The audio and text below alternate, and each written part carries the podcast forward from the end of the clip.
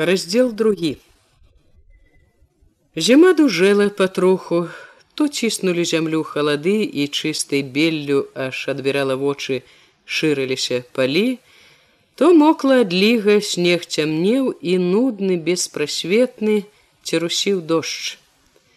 Толькі пад самы новы год мы разыскавалі зямлю як след і зіма стала уладарыць адна засцілала абшары новымі і новымі выбеленымі палотнамі, абложвала хаты і хлявы гурбамі, праразала вуліцы белымі гарамі.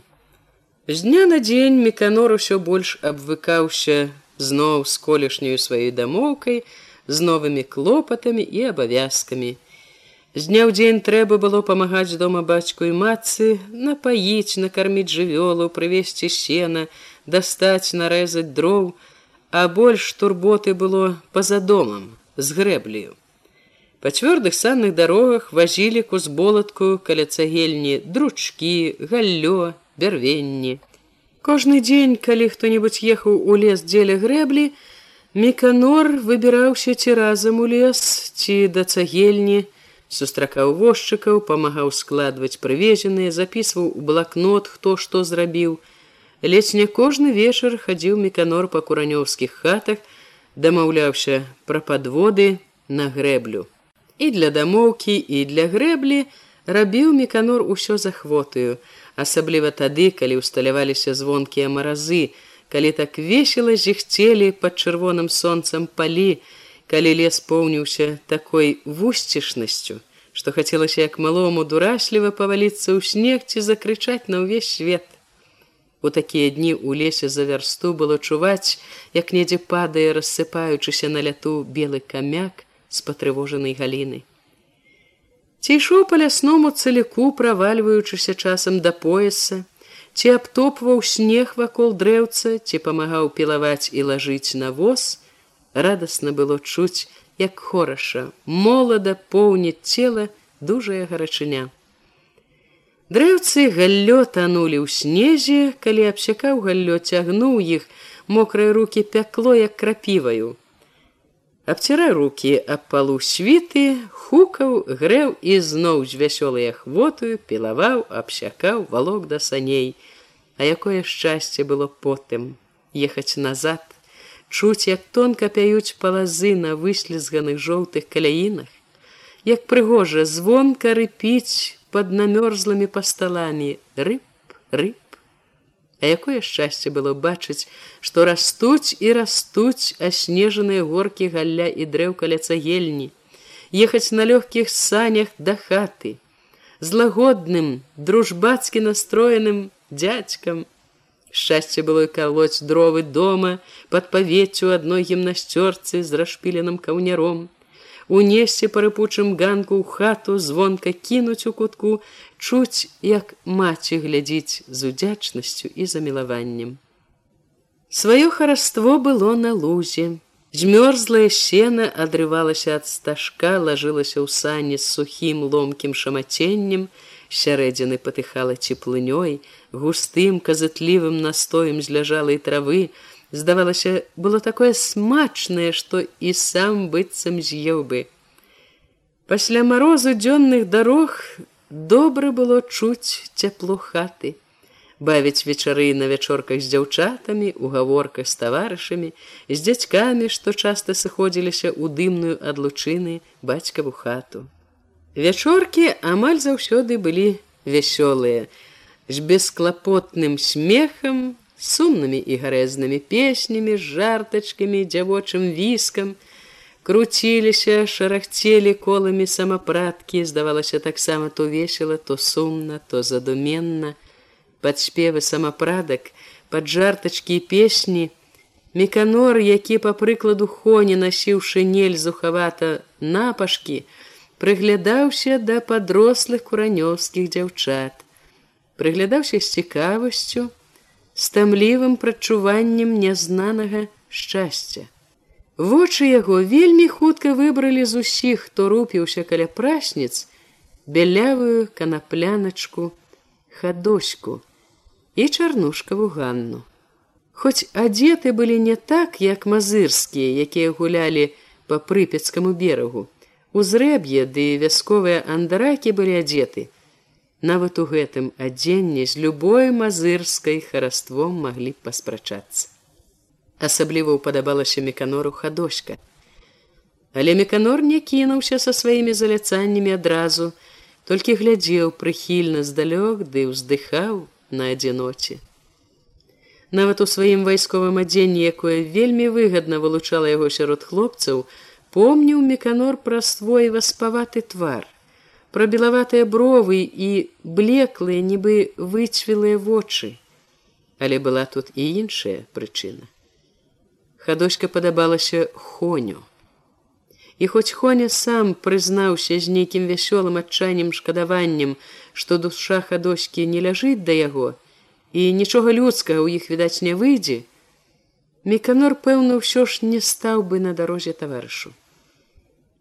Хоня быстрым вострым позіркам сам улавіў, як глядзець меканор на хадочку, прыгледзеўся, праверыў, і калі ішлі ўдвух з вячорак бесклапотна павёў плячыма зарагатаў параю ідзі паспрабуй мо да цябе весялейшая будзе не прападаць жа ёй адной праз мяне на другі вечар ён сам выйшаў з вячорак разам з хадоськай і меканорам нёс самапратку лёгка зухавата пасвістваў пасмейваўся правёў трохі раптам сунуў самапратку меканору сказаў што трэба да хаты.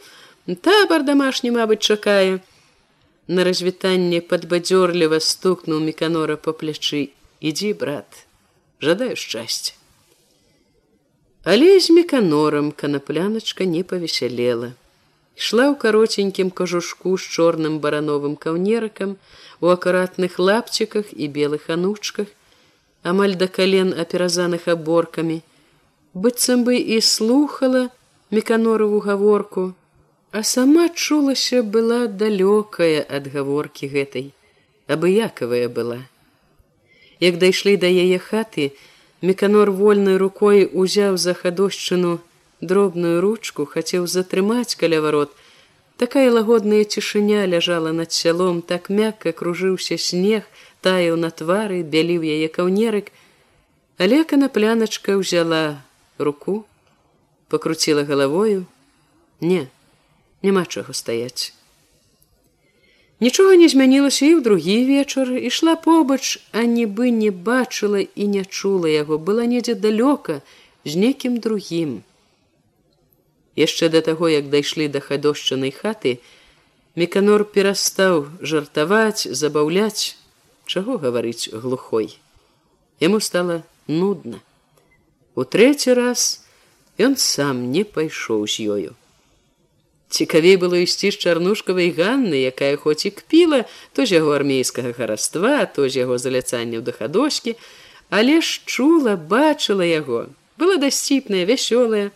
Было б з ёй зусім добра, калі б па абодва бакі ганны не ішлі хмурны насцярожаны сусед Васіль, што амаль увесь час цяжка маўчаў ды з падазронасцю прыслухоўваўся, і ганарлівы, упэўнены, нахабны яўхім глушак. Яны тапталі снег побач і меканор чуў увесь час чуў, што Ганну, хоць яна і гавораць больш з ім, хвалююць па праўдзе толькі яны. Да Васіля Ганна ласкавейшая не тоіць, нават нібы знарок паказвае, што горніца да яго. Аднак глушака гэта ні трохі не бянтэжыць, не збівае яго, то ліслівы то нахабнай упэўненасці ён нібы цвёрда ведае загадзя што як бы там не было удача дастанецца яму.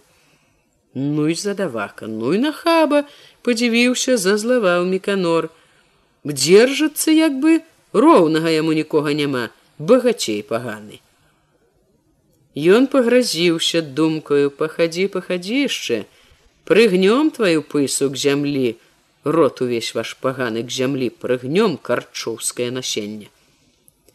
Але хочаш не хочаш, трэба было прызнацца, што і тут каля ганны хадзіць яму няма чаго. Ён тут ужо не той, што трэці, а чацвёрты лішні. Не шанцуе мне не сакрэт па этой часці вывіў, нібы падсмейваючы сябе меканор. Па ўсяму відаць, перамяніць цель трэба.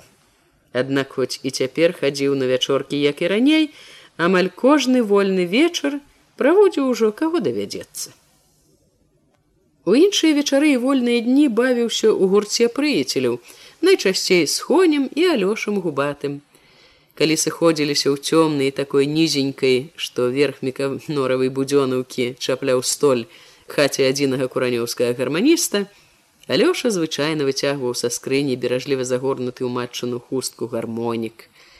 Садзіўся ён заўсёды на адзін і тоже ўслончык між сталом і скрынію, заўсёды пачынаючы іграць, прыкладваў галаву вухам да гармоніка. Пачынаў Алёша часцей за ўсё з песень, і песні любіў найбольш сумныя, жаллівыя, асабліва шчыра журботна іграў і спяваў алёша песню пра бедака салдата вялікую тугою бралі не вельмі чулае меканорова сэрца словы скаргі.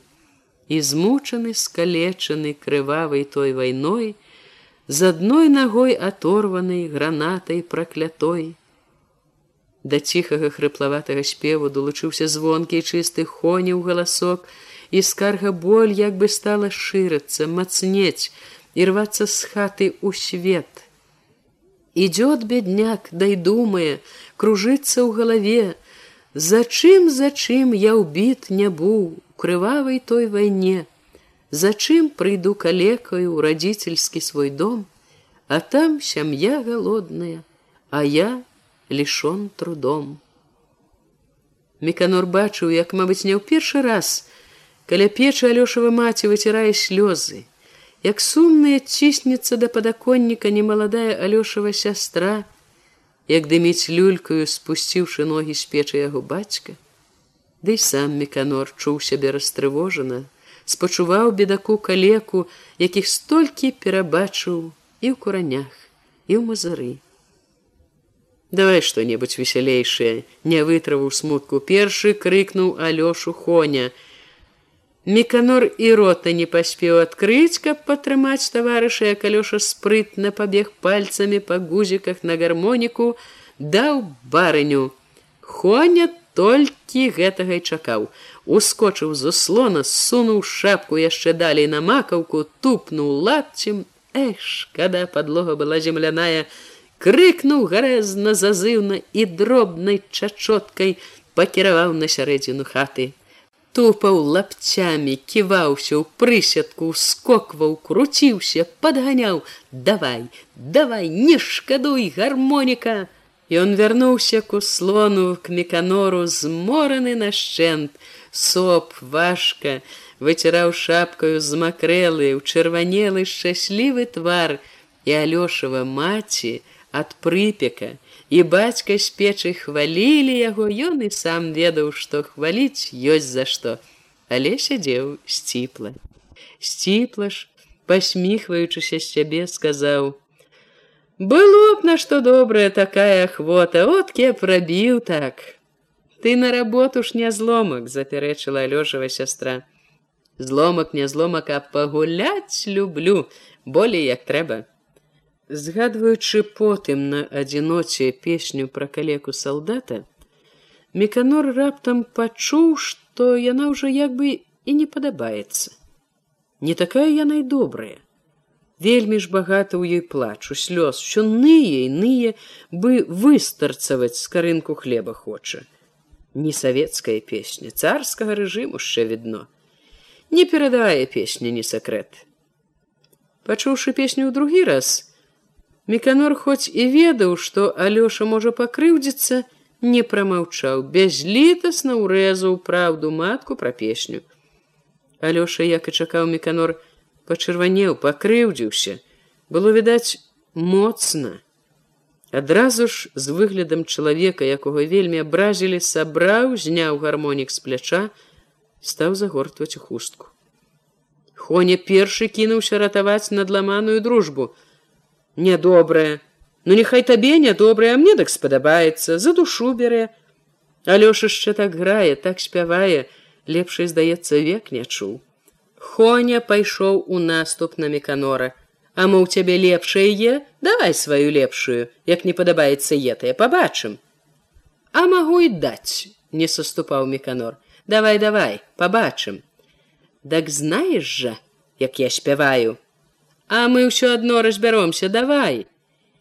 Меканор тым голасам, якім ён спяваў з аддзяленнем ці ўзводам, калі ішоў у страі мазырскімі вуліцамі, пачаў марш будзённага. Узяў трохі высакавата і вельмі звонка сарваўся і, абараняючы песню, сказаў: « Аднаму яе трудна, яна вельмі добра выходзіць, калі строй спявае. Да і спяваць умее. Хоня стрымаў усмешку, а песня, ну, праўда, нічога, Алёша. Алёша прамаўчаў. Толькі, канешне, не таму спеваку дасталася, откі б хто з людскім голасам узяўся за яе. Хоня не адразу угаварыў Алёшу, але ўсё ж угаварыў, не быў бы то Хоня. Калі Алёша падабраў лады, калі зайграў як трэба, калі ў трох за меканорам сталі падпяваць, дык і Алёша крыўдаваць перастаў. Песня і праўда была добрая разам з хонем і меканорам разоў дзесяць падрад ахвотна вялі паўтаралі. З неба полудзённага жара не падступі, конніца будзённага раскінулась в сцепі. Нібы самі імчаліся на быстрых конях цераз ветер нязнаных казачных стэпаў, дружна нецярпліва звалі: кар'ерам, кар'ерам, давай, давай, давай, рота кулямётная ў баю не адставай. Хорошая песня пахваліў і алёшаў бацька, які сам некалі на вайне састаяў пры конях. Алёшавы бацькі былі на ўсе курані беднякі з беднякоў. Алёша, памагаючы ім ахвотна хадзіў з гармонікам на ігрышчы і ў алешнікі і ў мокуць, і разам з ім цяпер хадзіў усюды марш будзённага. Меканорова песня скора разышлася па цэлай балотнай акрузе. Калі збіраліся ў меканоравай хаце дзядзькі, гаворкі ішлі найбольш разважныя, сур'ёзныя. Аб важных падзеях у дамашнім быцці, аб падзеях у жыцці суседзяў, аб навінах ці чутках цэлага куранёўскага маштабу. Перамешваючыся з успамінамі і рознымі павучальнымі гісторыямі, да якіх пажылыя куранёўцы былі заўсёды ахвочыя, якія пераканаўча паказвалі, што і таму, хто іх казаў, давялося нямала пабачыць і зазнаць на вяку. Чуткі і навіны смела пераходзілі межы куранёўскай рэспублікі, звязвалі дзядзькоў з мокуццю, залешнікамі з валасной сталіцыю.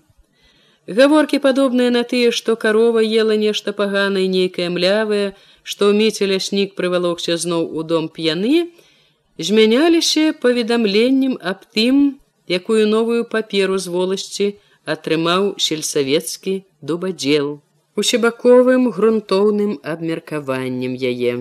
Чуткі пра тое, што дзеецца ў сельсавеце, няўхільна вялі дзядзькоў у воласць, уводзілі ў гаворкі меркаванні юравічы, апейку, харчава. Няхай не так часта і не ўсе, найбольш Андрэй руды і меканораў бацька, зазіралі разважныя куранёўскія палітыкі і ў мінск і ў москву к самому калініну. Выбраліся ў шырокі неспакойны свет. Было гэта амаль заўсёды калі меканор падсеўшы бліжэй да коменка на якім трашчала ў агні лучына павольна і цяжка чытаў газету беларуская вёска што прыходзіла з мінска З усіх навін, якія вычытваў меканор, асабліва хвалявала тое, што робіцца за мяжой. Сваё было добрае, прыемнае, слухаючы яго цешыліся, ад яго спакайнелі, адтуль жа з-за мяжы. Часта ішло трывожнае, пагрознае, страшнае. Вайна. Дакуль жа ета яно грэц яго будзе, не ўтрываў, наслухаўшыся такіх вестак чарнушка сычаць усе ды сычаць. Капітал, буржуазея, без вайны следовательно жыць не можа, паясніў руды. З вайны, так сказаць, сіла ўся ў іх, як у коня за ўса. Сіла то сіла, ды адзін аднаго не вельмі ядзяць, апярэдзіў меканора хоня. Чарнушка яшчэ некалькі дзядзькоў згодна заківалі, падтрымалі хоню гоманам. Гад-то сазаць гада не любіць есці. Руды пусціў з ноздры далікатны тоненькі струменьчык дыму. Класавая барба, як вучыў Карл Маркс і Фрыдрых Энгельс. Няўжо ж так браткі будзе ўвесь век. Я тушы да вайны недалёка не таіў трывогі грыбок. Недалёка. Тут ужо ўмяшаўся меканор. Яснасць поўную ў праблеме вайны і міру, можна было зрабіць толькі нагадаўшы моц савецкіх ваенных і марскіх сіл, якія ён цяпер нібы прадстаўляў у куранях. Не адзін раз уступаў ці ўрываўся меканор у гаворкі, якія ўсё ж часцей высвятлялі не праблемы свету, а калі можна так сказаць праблемы куранёў. Праблемы гэтыя хвалявалі і здаваліся ніколькі не меншым важныя, чым праблемы свету. Яны проста лезлі ў душу, Багата, багата, што ў куранях тачыла сумам і клопатам меканора, непакоіла, трывожыла, абурала. Багата, што бачылася не такім, як трэба, як павінна быць.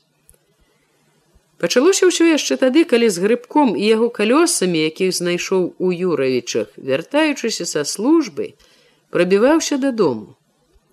Калі лес тануў у халоднай тване перад недалёкімі ўжо куранямі, радасць вяртання блізкай сустрэчы з роднай дамоўкай перамяшалася з няўчасным сумам. Сум гэты гнёў, калі ўгледзеў куцы і сляпаватыя хаткі пад чорнымі саламянамі і чаратовымі стрэхамі, калі зноў у лесу амаль забытую гразь куранёўскай вуліцы. Пасля мазырскага бруку, жывой люднасці на вуліцах прыпецкага вясёлага прастору, як бы сплюшчаным, затопленым гразёю, дрымотным і балюча бедным убачылася дарагое сяло. Сум зашчымеў яшчэ горш, калі ўступіў на свой ганак у сенцы, якая ж яна крывая і гнілая бацькава хата, і цесная і цёмная якая. Так было ледзь не ўвесь час. Амаль усюды побач з радасцю ішлі смутак, клопат, нязгода, ішлі дома ішлі ў лесе прабіваліся на вячорках дзе таксама ж як і ва ўсіх хатах шляпіліся прычаднай лучыне ледзь не ўсе прыбраныя ў зрэб'е. Асабліва ж вярэдзілі душу незадавальненні і турботы доўгімі начамі калі лажыўся на палаце ля замаляванага марозам з пабялелымі рамамі акна з якога лоб шыю плечы студзіла холадам трэба было нешта рабіць з хатай Бацька казаў, што добра было падвесці падвалены, перабраць сцены, замяніць некаторыя бярвенні здаровымі і жыві яшчэ хоць 50 гадоў. Але мяняць падвалены, перабіраць сцены было справай такой няпростай, што меканору думалася, ці не лепей ужо новую пастарацца агораць хату. Ды па праўдзе кажучы, вельмі ж не да душы чорная цёмная цяперашняя дамоўка, каб старацца пяцца для яе, каб яшчэ век векаваць у ёй. Але ж і з гэтым не лічыцца нельга, як ты агораеш новыя харомы з дашчанай падлогай з добрай печчу, хоць бы з аднаго пакоя, калі дастатку ніякага. Калі лес узяць невядома за што, невядома за што зруб скласці. Няхай зруб і самому налаўчыцца скласці можныя кроквы прыляпіць і накрыць чаротам, але ж столяра хочаш не хочаш наняць трэба. Дзверы дырамы сам не зробіш і печ не злепіш і без шкла не абыдзешся. Шыбы як ніяк трэба зрабіць большее ой багата чаго трэба і на ўсё трэба дастатак.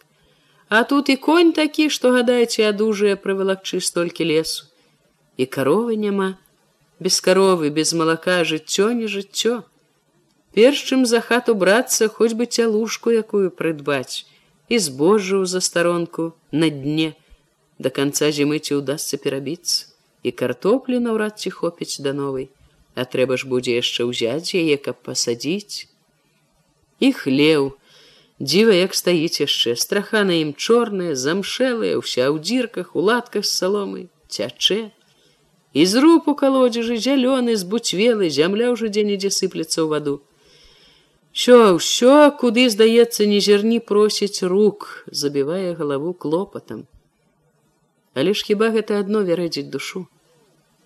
Перайначваць, мяняць багата, што трэба ў заведзеным адвеку парадку, от што асабліва точыць. Нядобра думаць, што паганае прыродны кут. Але ж у сенцы зайсці брыдка такім смуродам б'е там, дзе чвякаюць вішчаць парасяты, нібы нельга трымаць парасят у закутку ў хляве.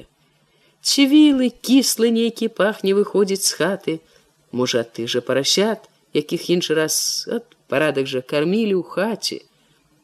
Спрабаваў, як калісьці казарму праветрываць хату, але толку мала пахне выходзіць. І невядома, як выжыць яго. Ды і як тут выжывеш, калі бацька і матка прывыклі, як бы не чуюць яго. Заікнуўся раз меканор пра гэты пах, дык матка зірнула так, нібы ён гаворыць абы што.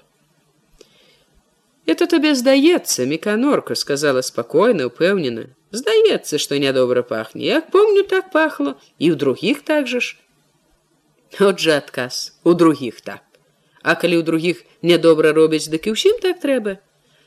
Это ж праўда, нядаўна заходзіў да зайчыка, дык парасяты ў хаце можна сказаць побач з дзецьмі. Дзеці лазяць, гуляюць каля іх, між іх у разлітай парасячай паліўцы, а зайчыкам хоць бы што, як бы так і трэба. Калі сказаў ім, дык зайчык пажартаваў, што невядома, каго яшчэ даглядаць лепей трэба. Дзяцей маўляў, он сколькі, а парашат двое. Зайчыха на яго меканора як на дзівака пазірала. Ну проста бяда, ніякай санітарыі.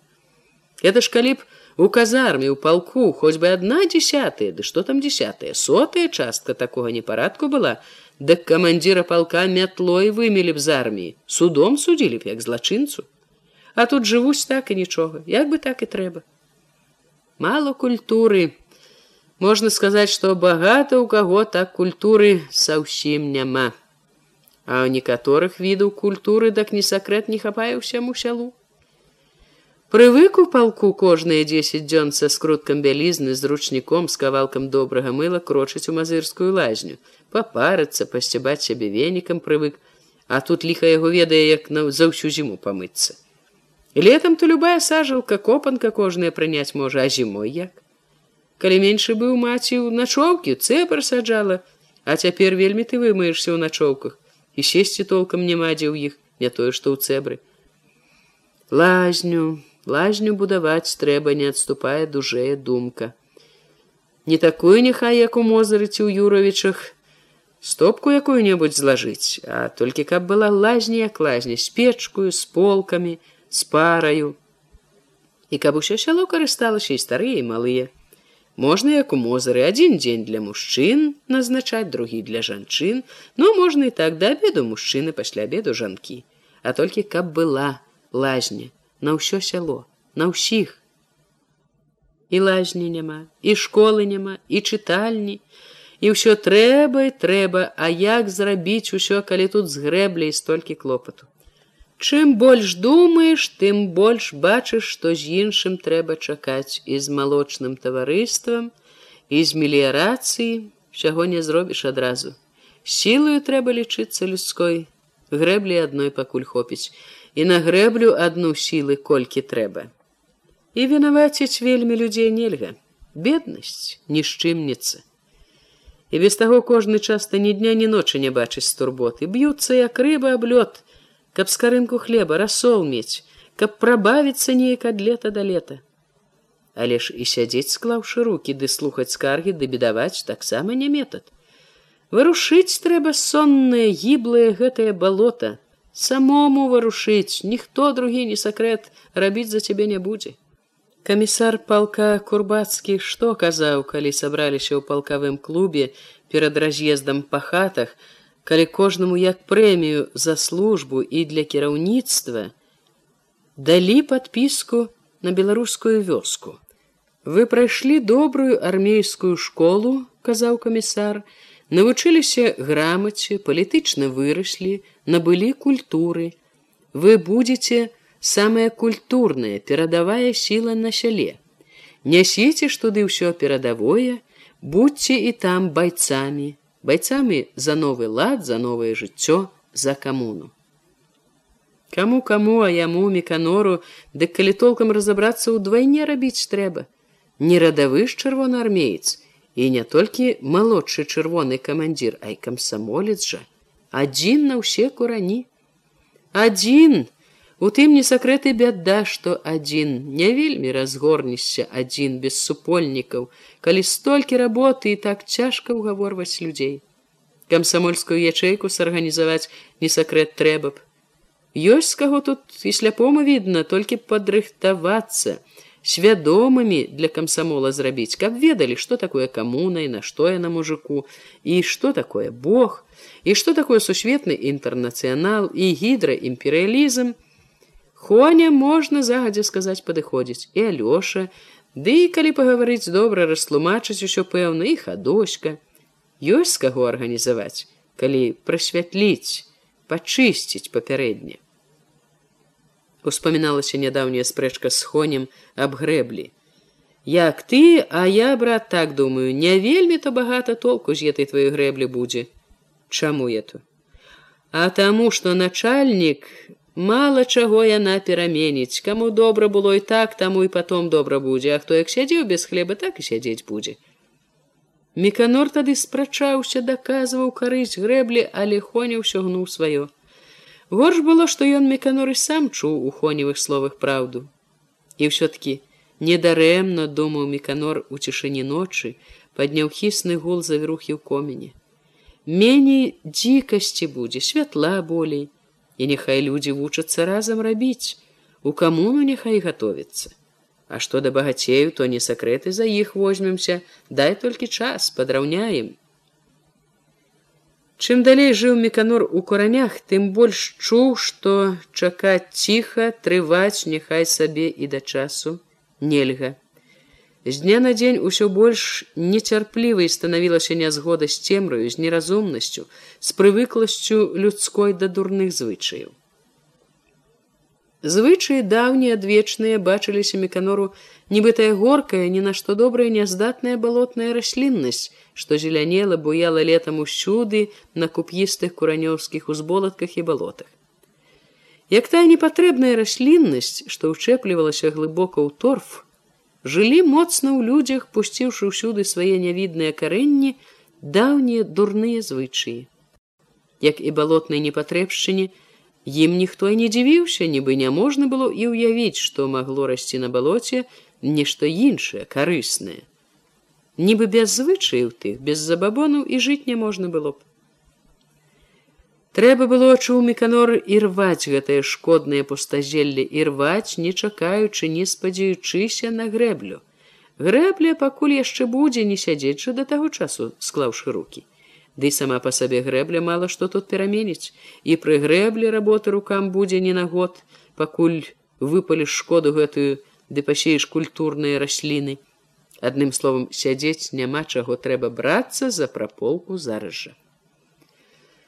Але ж задача якая палоць перайначваць звычаі трэба не сакрэт не толькі дзе-небудзь у другіх хатах а і ў сваёй і нават калі падумаць толкам то перш за ўсё ў сваёй хаце у сваёй сям'і бо кожны ж толькі заікнесся со сваёй крытыкай адразу ж на тваю хату і пакажа а які ў самога парадак? Яснай дзіцяці калі хочаш хоць што-небудзь дабіцца трэба паказваць перш за ўсё прыклад самому. А тут як назло ў сваёй хаце парадку таго каб прыклад іншым паказаць а не знаку. І не таму што не хацеў не спрабаваў парадак гэты ўстанавіць. Спрабаваў і нават не раз але што ты зробіш калі матка ды можна сказаць і бацька і разумець толкам нічога не хочуць Матка дык ледзь возьмешься рабіць што не па-заведзенаму, адразу ад страху бялее хрысціцца і бошкай. Ледзь толькі ўзяўся калось дровы ў нядзелю, дык прыбегла слёзна прасіць, маліць пачала, каб не гнявіў Бога. Тады ён заявіў ясна, што Бога няма, але яна слухаць не стала, кінулася да яго як да нейкага злачынца ці вар'ята. Міканорка, ты сам не знаеш, што кажаш, не знаеш, божачка, не думай нічога. Ды не бойся, мама, не думай ён нічога, бо няма яго не сакрэт. Святы Божа, святы бяссмертны, не слухай яго, не слухае ён мамо, няма каму слухаць, выдумка ўсё ету. Міканорка, міканорка, Богам прашу. Яна тулілася да яго грудзей, заходзілася плачам, проста стагнала ад страху і міканор, як неваяўніча быў настроены прыціх, пашкадаваў старую. Маці ж калі супакоілася трохі, выціраючы ражком хусткі твар, паглядзела на яго пільна і сказала неспакойна: « Нагаворвае это нехта табе на Бога. Анціхрыстаў нейкі голас. Ды ніхто не нагаворвае, маму, я сам знаю, от толькі на вас дзіўлюся. Нагаворвае, чую міканорко. Яна запытала з трывогай: « Ці не занядужаў ты? здаровы у тым і аснова што здаровы і бачыць такое што іншыя не сакрэт не бачыць і сярод іх свая матка якую і шкода за яе страхі і за якую не тое што сорамна але балюч бо баіцца яна ўсяго што супраць рэлігіі ад свае цемнаты ад несвядомасці так што калі меркаваць па ўсіх правілах сама па сабе яна не вінаватая і саромецца за яе ясна няма чаго але ж хоць і шкода яе і нялёгка бачыць, як яна перажывае, сядзець як на прывале, склаўшы руки таксама не метад, трэба ісці ўперад і ўперад і па ленінскаму маршруту. Канешне, тут няможна не ўлічваць, што матка ёсць матка, не вораг які свой чалавек, толькі што несвядомы. Трэба неяк лічыцца з ёю тлумачыць і тлумачыць, наступаць разумна, можна сказаць з тактыкай, з манеўрам, з усякім подступам, абходам і таму падобным. Але наступаць, канешне, трэба, бо інакш ніколі нічога не даб'ешся. Няхай прывыкае яна і бацька таксама, што не такія цвёрдыя іх старыя парадкі, што багі не такія ўжо паны, пра якіх і падумаць, не тое, што сказаць не можна нічога непачцівага. Багі усялякія святыя, от чым ваяваць трэба. У кожнай куранёўскай хаце ў кутку пад ручнікамі як прусакі, якія ў золаць. Всюды куды не зірну ў хаце зрэб'е, цвіль, беднасць, а тут бляск, раскоша, як у царскіх палацах, мабыць. Цара скінулі, косці даўно згнілі, а гэтыя жывуць людской цёмнасцю карыстаючыся, жывуць а не гадкі. З самага пачатку, як вярнуўся са службы, не любіў меканор гэтую плойму, што як нейкія вартавыя строгасць рагла чалавечую бяду. Ні разу не ўзнялася рука, каб перахрысціцца да іх. Часам нелюбоў яго яшчэ памацнела, спакойна зірнуць не мог на шуканства гэта так і хацелася сказаць пра іх што-небудзь насмешлівае, едкае. Доўга стрымліваўся, шануючы матку, але ж трэба было нарэшце пайсці наперад. Не век жа цярпець мірыцца з матчаную цемнатою. Стаў пасля обеду з-за стола, тады як трэба было б перахрысціцца, подступіўся бліжэй да абразоў, прыгледзеўся запытаў самым сур'ёзным тварам: « А хто это вот верхні бог, бы на старога глушака падобны. Маці ледзь не выпусціла міску, якую ўзяла са стола міканорко. Ён заважыў у матчаных вачах былі трывога, роспач. Ну нашто табе ету, ну нашто табе чапаць яго? Ці ж ён паганыя табе што зрабіў? Не, не зрабіў, бо не мог зрабіць, чаго не было, таго не было, толькі ж чысты глушак. Як скажы ты скарча намалявалі. Ой, пакарае ён цябе за такія твае словы меканорка. Ой, не сцерпіць ёй баліць моя душа. Дошка маляваная мама ўсё сцерпіць. Глушак. Ну, праўда, чысты глушак. Не чапай матку, перахрысціўшыся, пазяхнуў санліва, заступіўся за старую бацька. Не падабаецца, не глядзі, не чапай. Ён яшчэ пазяхнуў са смачным крэктам, пачухаў за спінаю, мірна прамовіў да жонкі, Дый ты ўжо не трасіся вельмі. Мо яна, як той казаў праўда, не даказаў ніхто, не бачыў на свае вочы, дык можна думаць і так і так. Як я той так і так сумелася матка, як у цябе язык паварочваецца? Няхай ён малады а ты жыццё уже пражыў пабачыў усяго бацька пакрактаў пачухаўся от у тым і соль што пабачыў. По-рознаму пабачыў распісваюць усе святых і бога. От як быў маньчжуры дык там зусім іначы бог. Жоўты такі касавокі хітры паглядам. Все адно як іх некалькі тых багоў. Са ўсім здурнеў на старасці з адчаем сказала матка. Бацька зноў пачухаўся. І святыя ва ўсіх розныя. Белы ўвесь у сваіх зрэбных сподніках і доўгай ледзь не да кален сародцы Ён пасунуўся к палацем, сеў на край, сказаў меканору: « Ты не вельмі на абразы. Не намі заведзена. Ну дык што як не намі вочы заплюшчыць? Ну, конечно, не заплюшчваць. Бацька салодка пазягнуў. Ну а што ж, калі душа проста ну не трывае гэтага глупства. Всякага глупства багата. Ну дык што ж цярпець век? А што? Наступнае бацькава слова разадраў позях. Бацька як бы паказваючы, што гаворка гэта нецікавая яму, адвярнуўся, лёг на раззё, пацягнуў на плечы коўдру і амаль адразу захроп. Меканор пастаяў хвіліну з прыкрасцю, нібы чакаў, што бацька заварушыцца, зноў загаворыць, нельга ж так недарэчна перарываць іх спрэчку. Але з ложка чулася адно мірнае з тонкім, як аб павуціну посвістам храпення. Тады меканор паёў вачыма на маці, тая стаяла перад абразамі з паніклай галавой сумная, строгая, ціха мармытала нейкую малітву. Меканор сарваў з цвіка будзёнаўку, накінуў на плечы шынель і хуткім парывістым крокам выйшаў на скрыпучы ганак. От дзе ён цяжкі рубеж сваёй жа хаце І каб жа на гэтым рубяжы быў хто чужы праціўнік які, то тут задача была простая. Абучаны не сакрэт, таму як браць такія рубяжы, дзе праціўнік сядзіць. Дык жа свае людзі там, свая матка, свой бацька. Ад таго і тактыка цяжкая.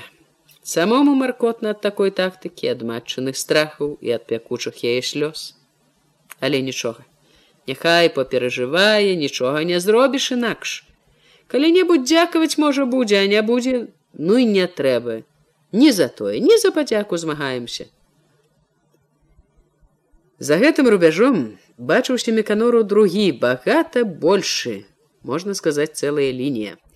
Адна пазіцыя гэтай лініі прайшла ў баку мокуці з якой бацьку прывезлі такога п'янага што давялося несці яго ў хату нібы мех Таксама сп'янелая матка і меканор ужо на палацях знялі з яго холодную світу, взяліся церці снегам белыя рукі вуха, доўга давялося церці, пакуль старэчыя крывыя пальцы не наліліся жывой ружовасцю.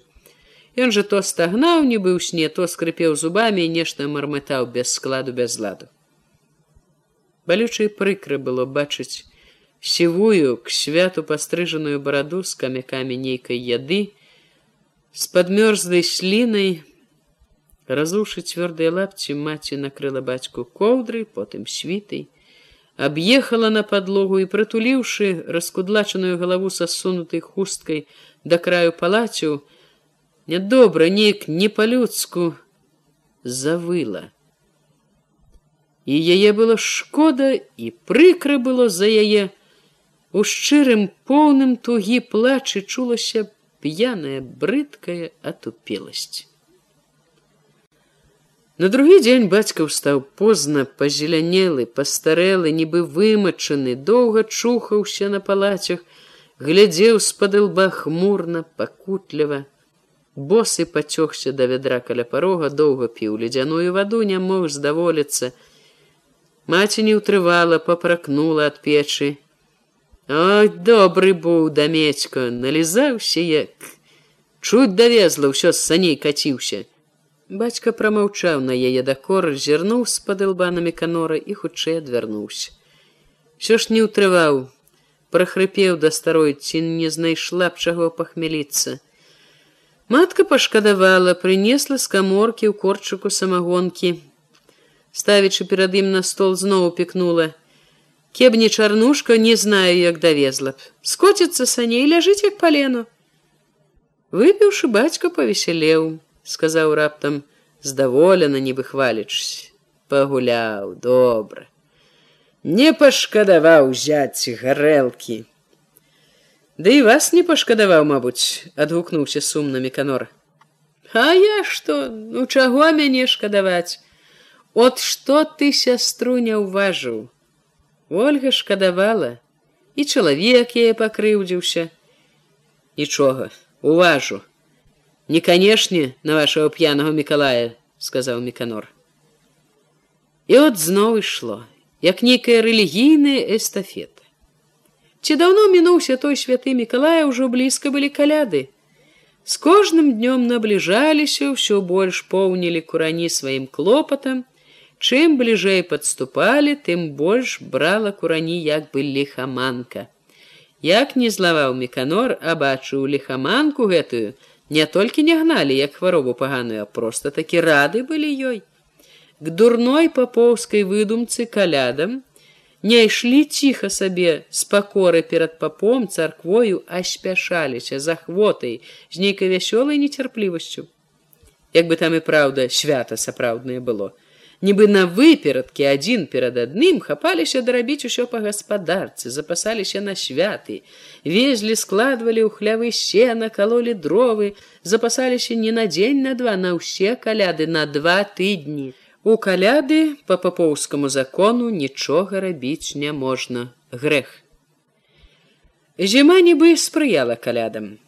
Халады дала ядраныя дужыя, раніцы ўставалі ружовыя з ружовым снегам і ружовым ініем, якога багата пушылася на сценах у падстрэшшах на галлі дрэў. Куранёўскія двары ўся вуліца поўніліся звонкасцю. Звонкімі галасамі, звонкімі ржаннем і рыкам, звонкім крэктам варот, дымы над куранёўскімі хатамі стаялі ў ружовым небе як лес. Сонца амаль не меншыла холаду, твар шчыпала калола тысячамі дробных іголак. У полі грудзі аж захлыналіся ад чысціні. Ад холаду не тое, што цераз світу, але і цераз добрую чуйку мароз неўзабаве сцена ўсё цела, толькі і ратункай было саслізнуць з саней ды патрухаць услед прытопваючы быў скоках і ў лесе і каля стагоў рабілі але пакуль вярталіся ўстывалі так што потым як казаў чарнушка студзіла і на гарачым чаране ночы былі светлыя такія ціхія што калі меканор прыходзіў з вячорак душу таміла самота. Самота чулася мацней, калі пракідваўся сярод ночы і спачатку ў дрымотнай няцямнасці слухаў, як цераз цьмяны марозны роспіс шып прасочваецца галоднае выццё ваўкоў, што кружылі ў халодным полі і ў голых зарасніках вакол куранёў. Неспакойны сон ноччу не раз перабівалі гулкія ўдары абухом, мароз скалоў бервенні.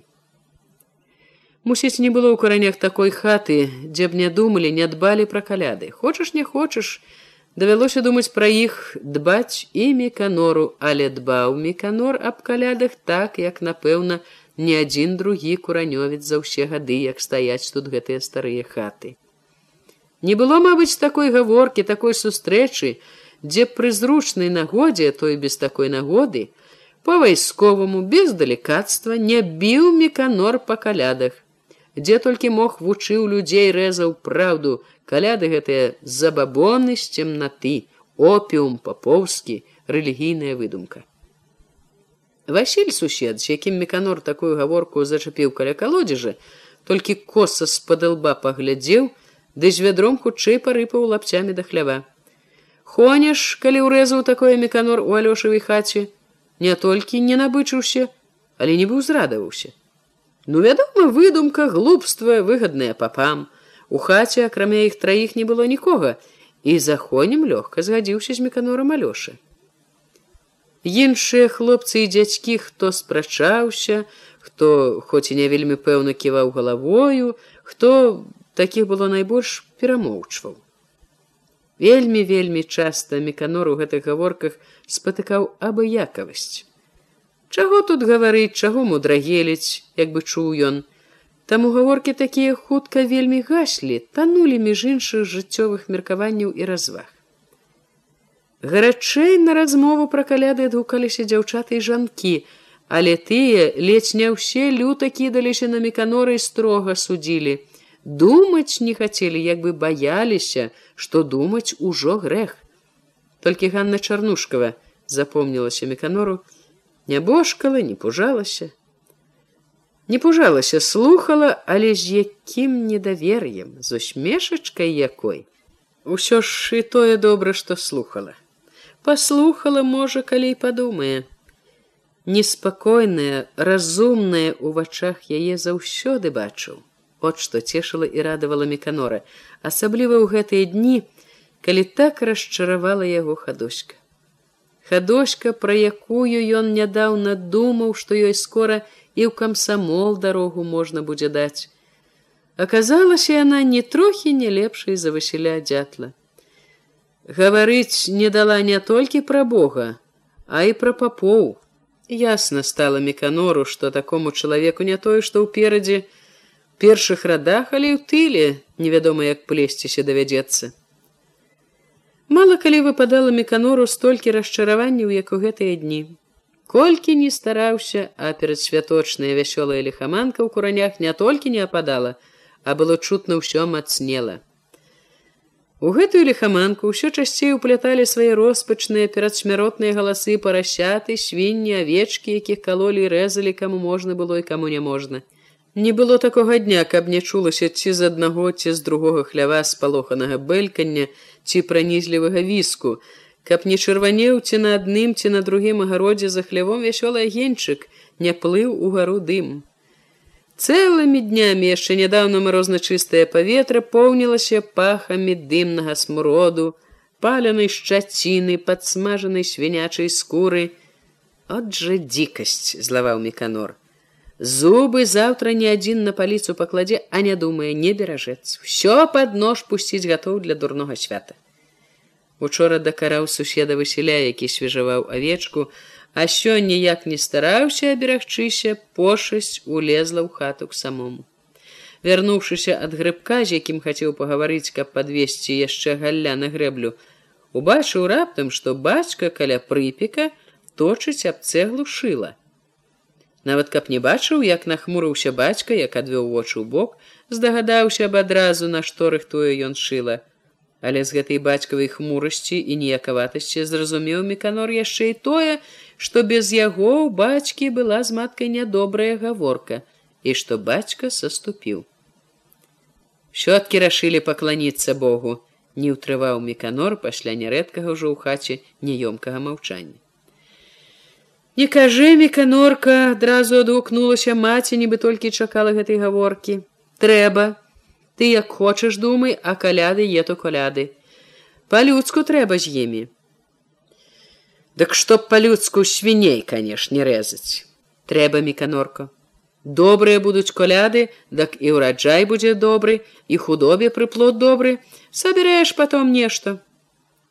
Само расці ўсё будзе. Чакайце толькі Тут ужо выціраючы нізам сарочкі шыла, нібы апраўдваючыся загаварыў бацька. Насця з сямёнам і ольга са сваім будь павінны, частаваць жа нечым трэба будзе.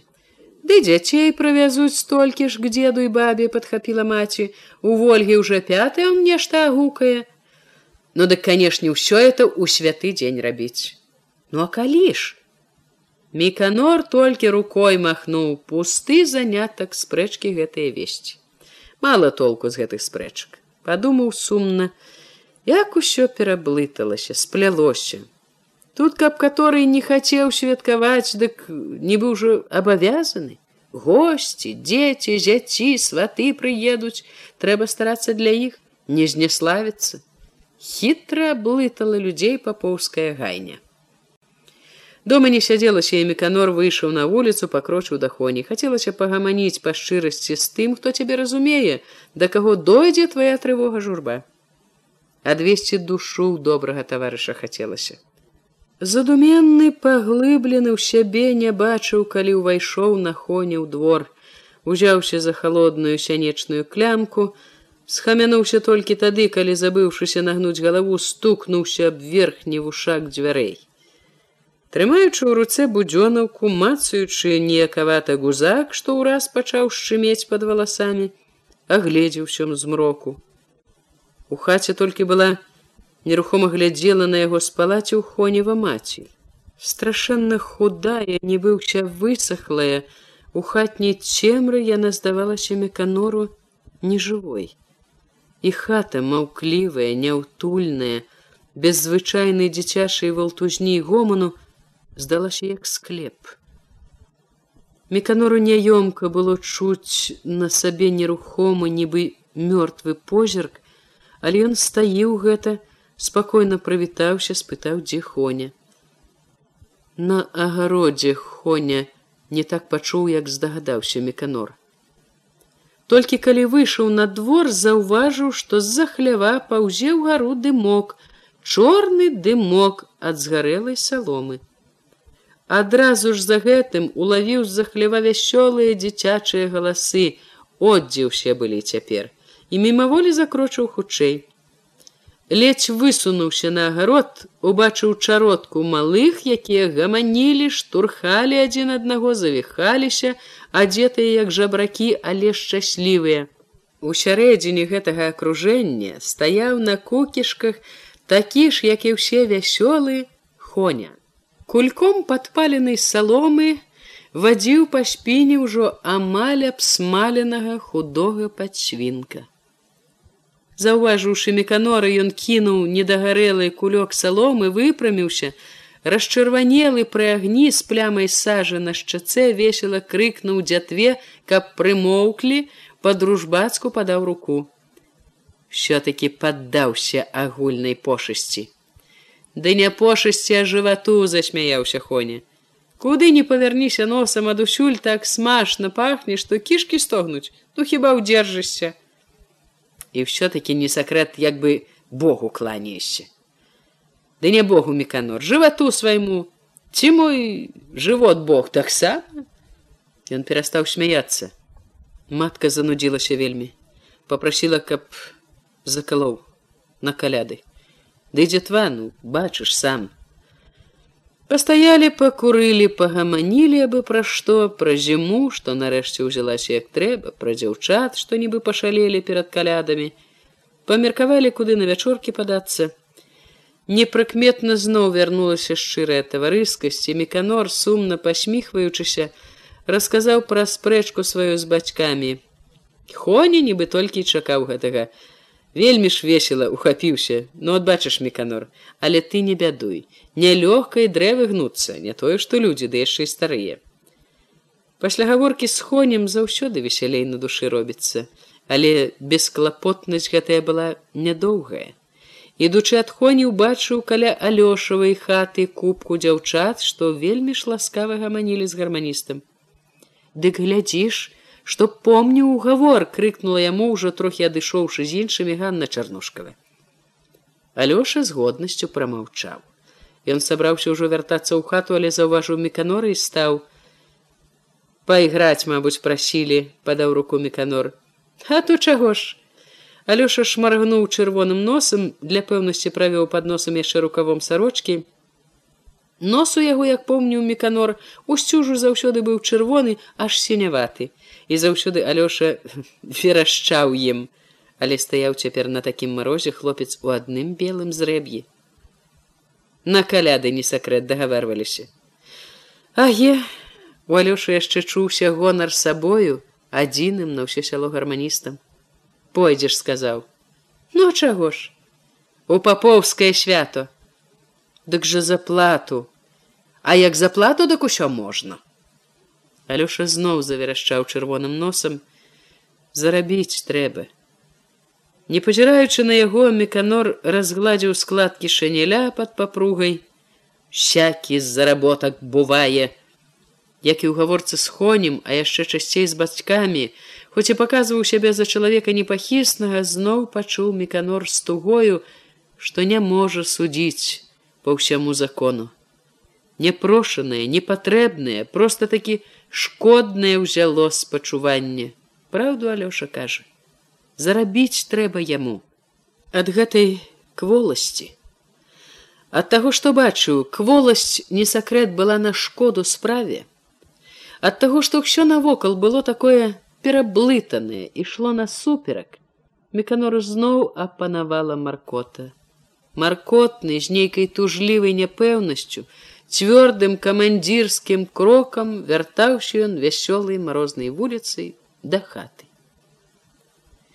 Увесь дзень перад святым вечарам маці шкрабла ножом стол, лавы, мыла ўсё, ад ранку ледзь не да самага вечара не тух у печы агонь, варыла і варыла, пякла, Вячэра мусіла быць посная, але ж трэба было згатаваць нямала нямнога 12 страў.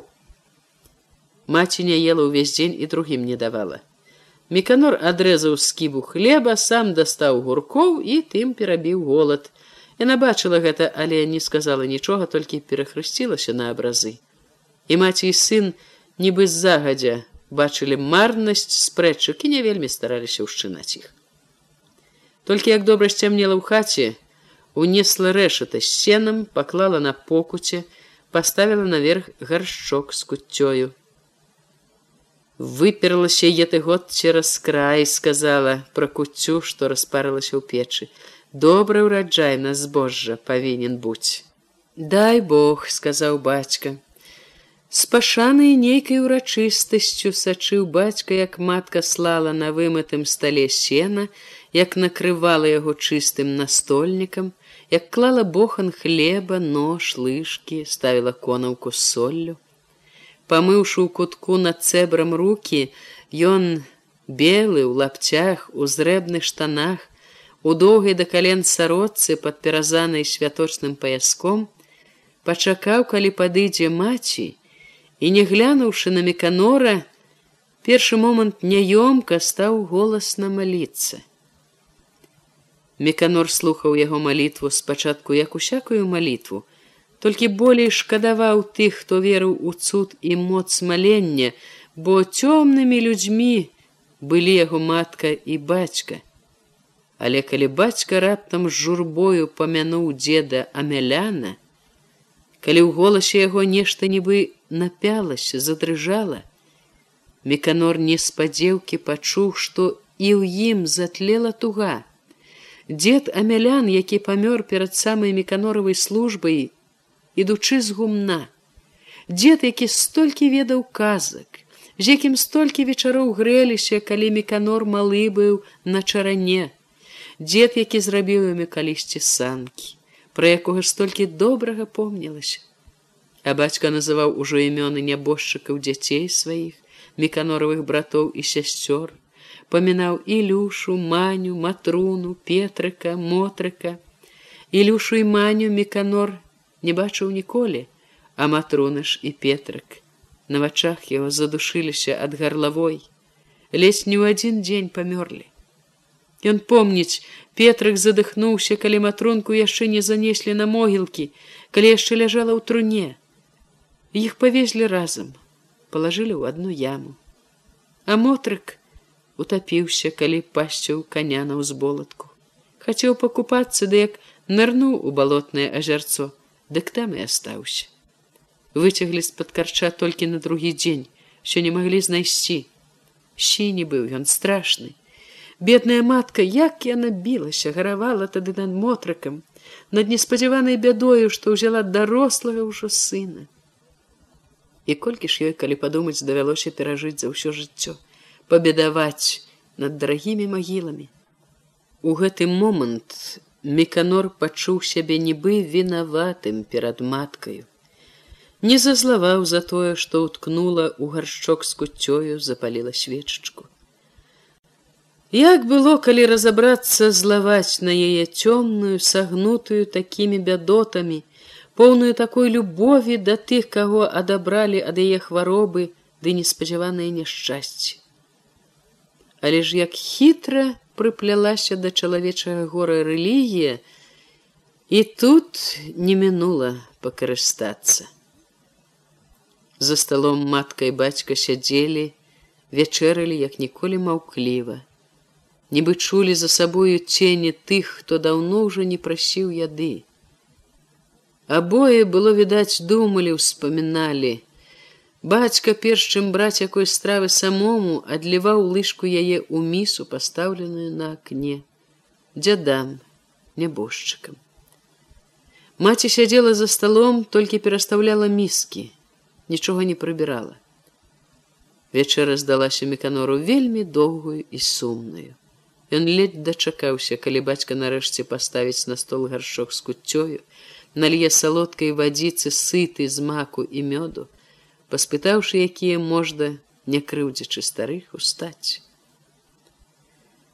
Калі адзяваўся, каб пахадзіць па марознаму вячэрняму двару заўважыў не пустыя міскі пасля вячэры так і асталіся на стале каб дзядам было чаго пад'есці стаяў на ганку думаў вечную думку сваю пра цемнату людскую пра тое як цяпер мабыць хораша на замёрзлай прыпяці лёгка весела бягуць лыжы Нехта не сакрэт, як і ён ляціць з гары жду зачынае, згадаў вясёлага таварыша свайго Івана Мароза, што паехаў аж у мінск на курсы. Раптам зашчымела скруха, пабачыцца, паштурхацца, пакпіць адзін з аднаго, абяцаў лісты пісаць, а няма ўсё чамусьці. Як і не чуў гамонкі смеху на вуліцы, Нікуды ў гэты вечар не хацелася ісці. Стаяў нібы на нявіднай варце. Прайшло некалькі постаці, дзве-тры вясёлыя кубкі. Дзве постаці ўжо ледзь не абмінуўшы раптам спыніліся, прыгледзеліся. Ці не меканор е то, сказала тоечы смех адна. Меканор пазнаў чарнушкаву ганну і ахвотна падаўся да яе з ганнай была хадоська. Ён прывітаўся. А я думала, ці не акалеў часам пакпіла Ганна, стаіць як слуп пры шляху. Замёрз не пашкодзіла б і пагрэць, чтоб было каму, прыкметна павесялеў меканор. Дык жа чарэн, мабуць, е, ці заняты можа бацькам. Ды не, але мне болей даўпадобы жывы. Унё, дык пашукаў бы, можа, знайшоў бы, калі не вельмі пераборлівы. Пераборлівы. Адны мне не падабаюцца, а другім я не даўпадобы, ну а трэція дык занятыя, адразу ж па два кавалеры як стражы па баках падступіцца няма як. От найшлі пра што гаварыць умяшалася хадочка тупаючы акуратнымі лапцікамі. І лепей скажы, што табе суджана, гадаў жа пэўне. Не, бо і так знаю, у халасцяках хадзіць буду, пакуль не надаесць вельмі. І мне нічога добрага не выйшла, сказала Ганна знарок журачыся. гадалі мы з хадочкай цягнулі саломіны. Дык ёй выцягнулася доўгая саломіна і з коласам. скоро замуж пойдзе і за багатого хлопца. Ну скажаш, засаромілася хадочка. Та можаш я выдумляю. Ну не выдумляеш, але хадоська чутна было ўся поўнілася радасцю, але не трэба казаць. А мне пакпіла на сваю няўдачы Ганна нічога добрага не выйшла. Кароценечкая саломінка і пустая і возьмуць не скора і ўдавец стары будзе. От шчасце якое. Удавец раптам засмяяўся меканор. Так это ж добра. Это ж ты, мабыць, выцягнула мяне. Я ж можна сказаць удавец, бо у мяне ж была это, жонка. Була у старца торба. Ты не праўда была у мозары на службе. Чорненькая такая стройненькая красивая. Винтовочка трохлінейная от я і кажу була торба. Хадочка якая ўвесь час паглядала на вуліцу заўважыла непадалёк дзве постаці нецярпліва пацягнула ганну за рукаў. Хадзем! Ганна таксама ўбачыла тых, што рыпелі снегам, падыходзілі, але адразу адвярнулася, попрасіла меканора: правядзі нас па-варожаму сарокі.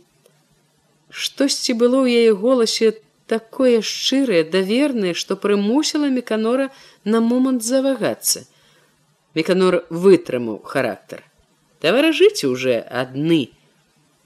Яна было відаць пакрыўдзілася трохі, але не сказала нічога. Падышлі яўхім з ларывонам. Яўхім паздароўкаўся, зухавата пацікаюся, да каб чым жа тут у сакрэты, А аб тым сказала знарок пазяхаючы Ганна. Час ці не час ісці спаць? Меканор кажа што час. Ну дык няхай ідзе. І мяне нешта на дрымоту хіліць. У такі вечар зарагатаў хацеў перавесці гаворку ў жарт яўхім але яна жартаваць не захацела. Невядома чым і закончылася б гэта гаворка калі б хадочка не пацягнула ганну за рукаў. Ну што ты эту выдумала? Хадзем Хадоська ледзь не сілком павяла з сабой яе.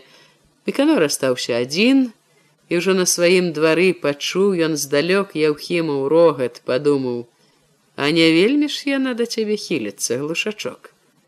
Не цябе не сакрэт пабачыць хацела б, не цябе. і не мяне канешне толькі ж учэплівы ты ўсё думаеш тваім павінна быць вёску нібы апанавала дрымота. Цэлымі днямі цяпер ніхто нікуды не спяшаўся. Все хадзілі павольныя паважныя бесклапотныя. Маладзейшыя бавілі час у гаворках старэйшыя цэлымі днямі грэліся спалі на чаранах драмалі ў хлявах коні стаялі ўмярзалі ў снег сані нават вароты і жураўлі над калодзежамі рыпелі неяк санліва і нудна Мабыць, ніколі не паўзлі так марудна, нецікава дні ў меканоровым жыцці, як у гэты калядны тыдзень. Маці тое сёе рабіла па гаспадарцы, а бацька ледзь не цэлымі суткамі пасвістваў носам на печы. Злезе крэкчучы, чухаючыся, пашаргае па сталамі па падлозе, пад'езд ды зноў на чарэн і хоць бы што. Меканор жа чым толькі не спрабаваў запоўніць нудную калядную пустэчу. І па гаспадарцы рабіў усё за сябе за бацьку і газеты чытаў, перачытваў, аж цямнела ў вачах і ўсё чуў: Ну да, пустэча не адступаецца. Мала цешылі яго вечары, калі моладзь доўга снавала па вуліцах галёкала будзіла марозную цішыню смехам. Маці райла пайсці, не нудзіцца. Хонію і Алёша прыходзілі некалькі разоў звалі, не згадзіўся. Ні яго гэта свята, ні яму радасць. канцу тыдня курані зноў заварушыліся. З самага ранку перад шчодрым вечарам пацягнуліся ў неба дружныя дымы, пацягнуліся і не ападалі ўжо ўвесь дзень. Не ўціхаў агонь і ў печы ў меканоравай хаце, кіпела варывы ў чыгунах і чыгунках, цяпер ужо няпосныя, скварчэлі салыя каўбасы на скаварадзе, недарэмна мёрз у каморцы, разрэзаны, разабраны, дачасна загублены кабанчык. Недарэмна загублена было і жыта на брагу. Чуў меканор, бацька толькі і чакае, каб ён сышоў куды-небудзь, каб разліць гарэлку з барыла, што ў склепе па пляшках.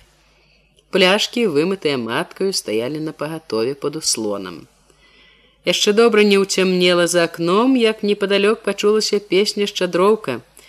Неўзабаве танклявыя дзіцячыя галасы пішчалі ўжо калі яго вокон на новае лето нехай родзіцца жыто святы вечар пожадаўшы меканороваму бацьку гаспадару каб радзіла не толькі жыта але і пшаніца і всякая пашніца галасы под вокнамі на момант перапыніўшы спеў аб нечым паспрачаўшыся нядружна запішчалі зазычылі. Піво варыць меканора жаніць святы вечар бацька на гэтае пажаданне ахвотна засмяяўся весело зірнуў на меканора маці ўсцешаная прытулілася тварам да незамёрзлага ражочка акна угледзелася. Зайчыкава ай малацы як дарослыя разумныя сам зайчык не сакрэт навучыў розуму посылаючы ну хоць і зайчык дык што ўсё адно малайцы. Дзеці з-за акна ўжо раілі меканоровым бацьку ці матцы. Залезь на баляску дастань каўбаску святы вечар. Стань на драбінку дастань саланінку святы вечар. Інструктаж получылі па ўсіх правілах пахваліў па-свойму меканор але не засмяяўся ведаў не з выгоды выпер да цямна сваіх зайчык. Як старцаваць прыслаў калядамі карыстаючыся. Расчуленая маці не апранаючыся вынесла раннім спевакам добры кавалак каўбасы акраец свежага хлеба. Але не ўправілася яна вярнуцца не паспелі зайчыкавы мабыць выйсці на вуліцу як под вокнамі зноў запішчалі. На гэты раз ужо суседскі малы володька з чарнушкавым хвецькам запішалі няцвёрда баязліва з няпэўнай надзеяй мусіць першы раз у жыцці. Яны хутка збіліся збянтэжыліся зусім і змоўклі дачасна. За імі таксама амаль без перапынку нібы толькі і чакалі калі гэтыя скончыць а звалася под вокнамі новая чародка я то ж хоневы аб'явіла радасна матка вярнуўшыся з двара Песні под вокнамі цяпер амаль не змаўкалі. За дзецьмі неўзабаве пацягнуліся кубка за кубкай. Падлеткі, нават дарослыя, Гэты ўжо часта не з пустымі рукамі, а са звяздою, што чырвона варухліва адбівалася на марозных узорах, выглядала ўражок чыстай шыбы. Потым некалькі хлопцаў гаманліва уваліліся ў хату разам з клубамі холоднай пары і казою. Каза, нехта ў перавернутым кажусе, сагнулася, закруцілася, затупала, так смешна подкидывала ногами, так потешно мэкнула, тоненько так жалостно, что бацька зачухаўся ад утехи. Но чисто юравецкія козы, что по гарэ лазяць. З уцехай глядзела і маці, якая адно пахвальна ківала галавой: От жа майстар. Меканор, які таксама не мог не прызнаць таленту казы, падумаў пра бацьку. Уліплі вачыма як бы ім спектакль кіно прывезлі. І тут же сам сабою разважу. А ці ж не спектакль для іх гэта не кіно? Калі пра тое кіно да яго меканора гаворак яны і чуць не чулі нічога. І спектаклі. От яны куранёўскія спектаклі. Толькі ж і тут рэлігія цемнатою людской пакарысталася Якая неўдалая была каза, але без прыхільнасці слухаў меканор святую песню, што заспявалі хлопцы над ёю. Не ўтрываў, каб не пакпіць. Нічога, ваш баран, толькі чтоб на базар завезлі, дак падкарміць трэба было б.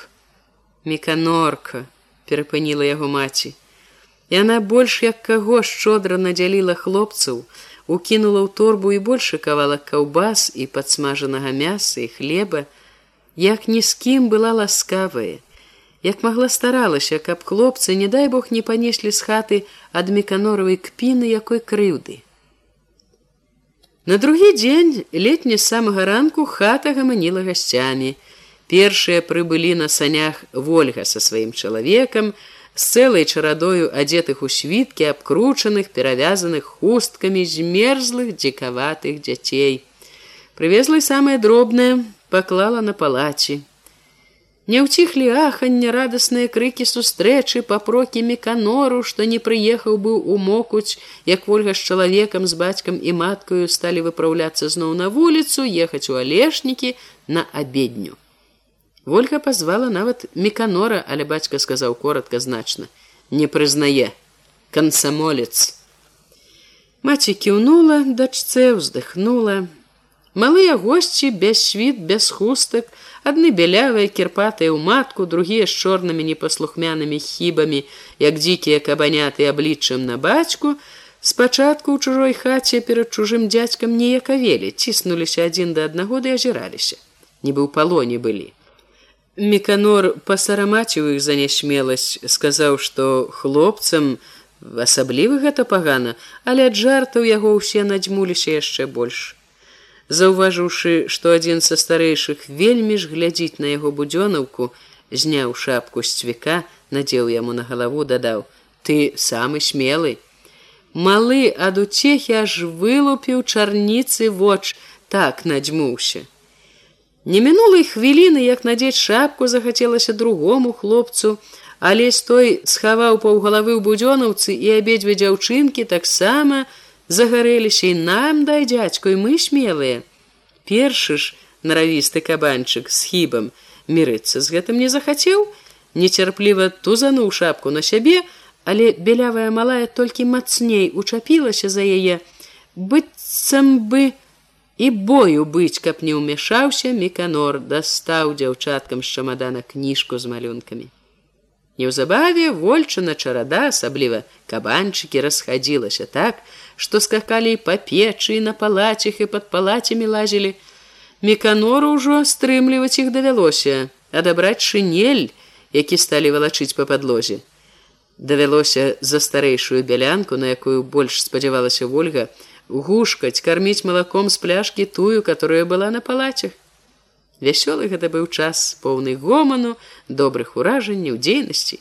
І нажартаваўся меканор і насмяяўся гледзячы на малых і нарабіўся пакуль вярнулася з царквы ольга з бацькамі і чалавекам.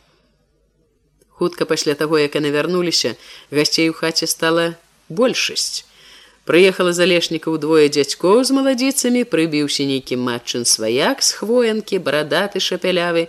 Нарэшце прыдыбаў з другога канца куранёў кульгавы сямён з насцей меканоравай сястрой. Пакуль дзядзькі гаварылі з меканорам, а жанкі расстарэквалі каля прыпека, матка з ольгай і насцей, а потым і з бацькам узяліся клапаціцца каля стала. Дык можа уже сядзем, сказала ласкава маці. Попробуем, чым Бог надзяліў. Пасадзіўшы жанок дзядзькоў тады як бацька стаў наліваць гарэлку адазвала меканора ў дальні кут занепакойна зашаптала. Помаўчы пра бога і пра святых. Гасцей хоць не трывож ну, пастараюся ўжо калісь цярплю. Ці то з жартам ці то зусім сур'ёзна паабяцаў ёй меканор Ён не трывожыў ні гасцей ні маці тут трэба было лічыцца з законамі гасціннасці законамі якія ён не меў ніякага права не шанаваць Нельга ж было наганяць нядобры цень на бацькоў. Еў і піў асабліва спачатку ўсё ж без ахвоты. Чуў, што нібы робіць саступку бацькам у спрэцы з-за кабанчыка і брагі. Але чым больш п'янеў пад пільным праглядам гасцей, што насядалі кожны раз, калі спрабаваў паставіць шклянку недапітай, тым слабей чуў свой папрок сабе, потым і зусім забыў ніякавасць і піў і жартаваў і галёкаў як усе. Сп'янелы не адразу стаў і тады калі маці якая ўнесла сенца ў халадзец сказала што на вуліцы нейкія крыкі толькі калі насця і бацька выйшлі на ганак паслухали давярнуўшыся сказалі што крычаць не на жарт б'юцца здаецца каламі Калі прыціхлі ўсе за сталом, устаў ён, не пранаючыся, пацягнуўся з хаты. Маці выбегла ўслед, вынесла шынель, хацела накінуць на плечы, але ён не ўзяў, надзеў толькі шапку. Трохі стаяў каля варот з гасцямі, слухаў, паволі нібы прытомніў. Ад сярэдзіны сяла наляталі злыя воклічы, крыкі болю, мацюкі, якія часам шчапляліся ў дзікі люты роў. Паламаюць камусьці рэбра сказаў доўгі алешнікавец. Кульгавы насцін сямён жывава адгукнуўся.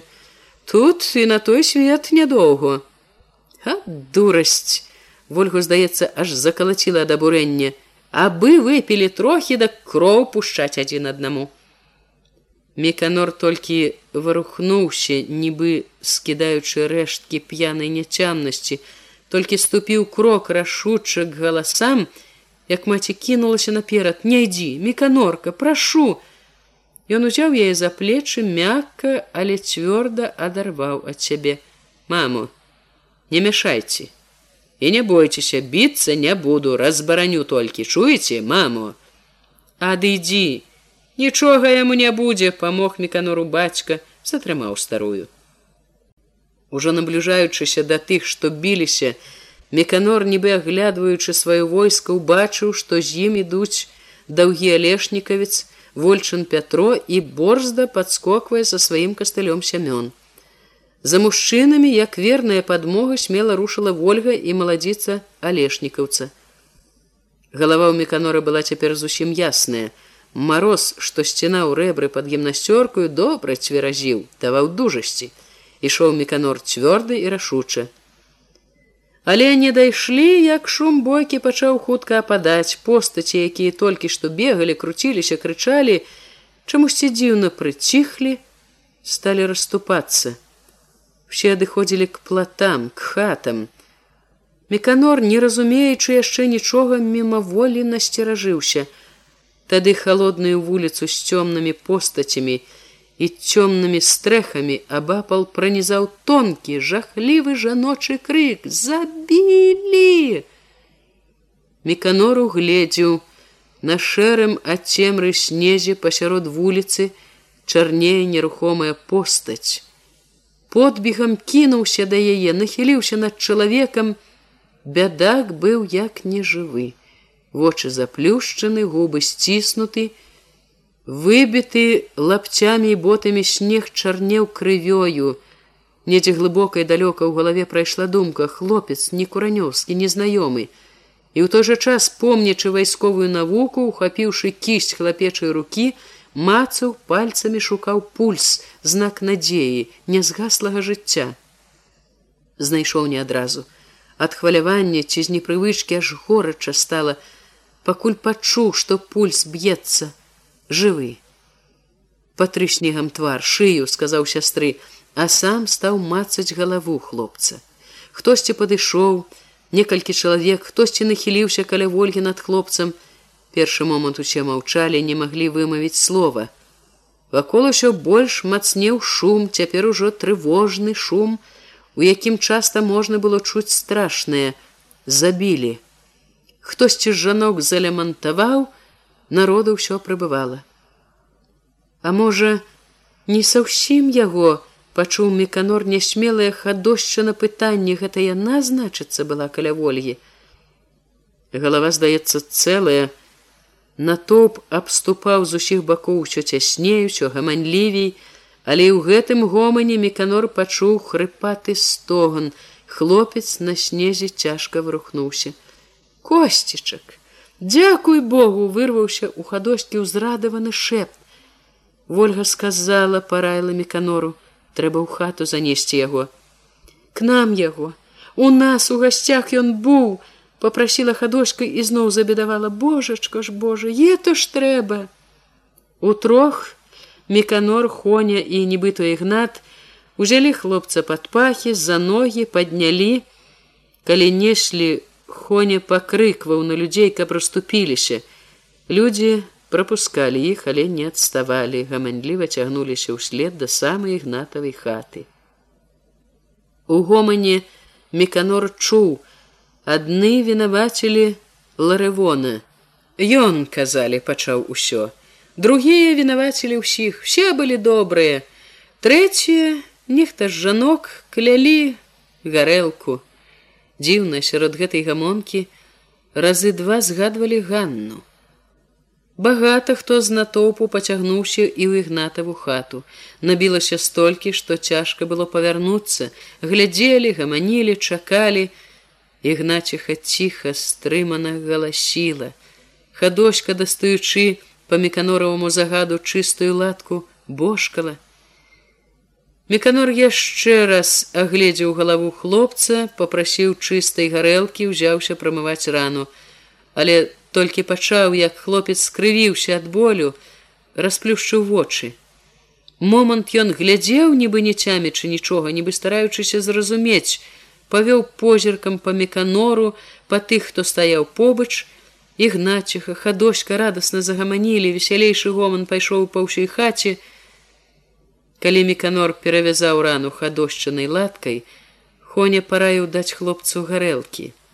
Ён сам наліў падаў меканору але толькі меканор паднёс шклянку да рота хлопца той моцна сціснуў губы. Меканор глянуў здзіўлена ў вочы хлопца і сумеўся. Такая крыўда і такая нянавісць была на твары ў таго. Сволачы пачулі раптам усе хто быў блізка. Гады вы! Ужо вяртаючыся дамоў меканор даведаўся ад хоні што хлопец з глінішчаў што яму вельмі даспадобы ганна з-за яе яго мабыць і пабілі я ўхім тут пастараўся не інакш іх тут трое з глінішчаў Дык дурынье ты ларывон адзін не палез, а падгаварыў яшчэ на помач. Ну п'яны ўсей рады старацца, папробоваць сіла на чужым чалавеку. А як пачалі ды як падурнелі, раз'ятрала яшчэ болей. Я хацеў памагчы проціў ларывона, сунуўся таксама, ну, далі болей. Хоня сказаў раптам весела: Всё-ткі я пераламаў дручок на яго галаве. Мацыя, мабуць, бугай, добры гузак. Доўга не спаў меканору гэтую ноч. Круціўся шамацеў саломаю пасланай на падлозе побач з вольчаным чалавекам з хвоенцам з адным залешнікаўцу чуў як алёша з гармонікам прайшоў абарваўшы полечку ударыў марш будзённага. Некалькі маладых галасоў хвацка падхапілі кар'ерам кар'ерам давай давай давай рота кулямётная у баю не адставай Радасць прайшла ў душы, калі пачуў дарагі марш. Спадабалася, полюбілася кураням песня, але радасць сышла скора. Думкі апаноўвалі клопатныя, неспакойныя. Зноў і зноў згадвалася, як хлопец з ігнатавай хаты сказаў сволачы, гады.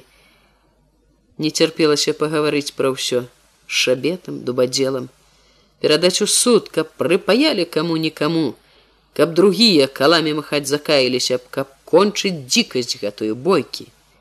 От дзе яно балото другое, яшчэ, мабуць, горшае за тое, поплыла невясёлая развага. Тут мелірацыю сваю рабіць можа яшчэ цяжэй. Под п'янае храпенне і мармытанне дзядзькоў побач не першы раз за гэтыя дні падумаў памарыў асветы газет паболей бы кіно б сюды іншы звон быў бы. Тачылі думкі пра сваю вінаватасць. Няма ў яго цвёрдасці. Жаллівы аж вельмі ўвесь у матку. Але гэтым думкам пярэчылі іншыя. Жаллівы, нежаллівы, а і на пралом лезці не метад, калі ўсё так пераблыталася, сплялося, ўрасло. Строгі суддзя ў сярэдзіне, што ніяк не хацеў спаць, не мог утрываць, каб не ўпікнуць, сплялося, то сплялося, а характар усё-ткі мяккаваты. Не сакрэт піць на рэлігійныя святы ў другі раз не трэба. Пабачыў бы камісар курбацкі, як ты за сталом сядзеў, які быў, як ты надзею яго на цябе спраўдзіў. Ад гэтага, напэўна, найбольш і пякла вінаватасць. Як бы камісар, хлопцы, мароз, кісель, усе таварышы па службе былі поруч, чулі, кляўся, ўсё-ткі вы не думаеце нічога паганага. Хоць і саступлю я дзе-нідзе з-за тактыкі па другіх прычынах, жаласці не сакрэт сораму не зраблю вам. Не скрыўлю камсамольскую нашу лінію можете не сумнявацца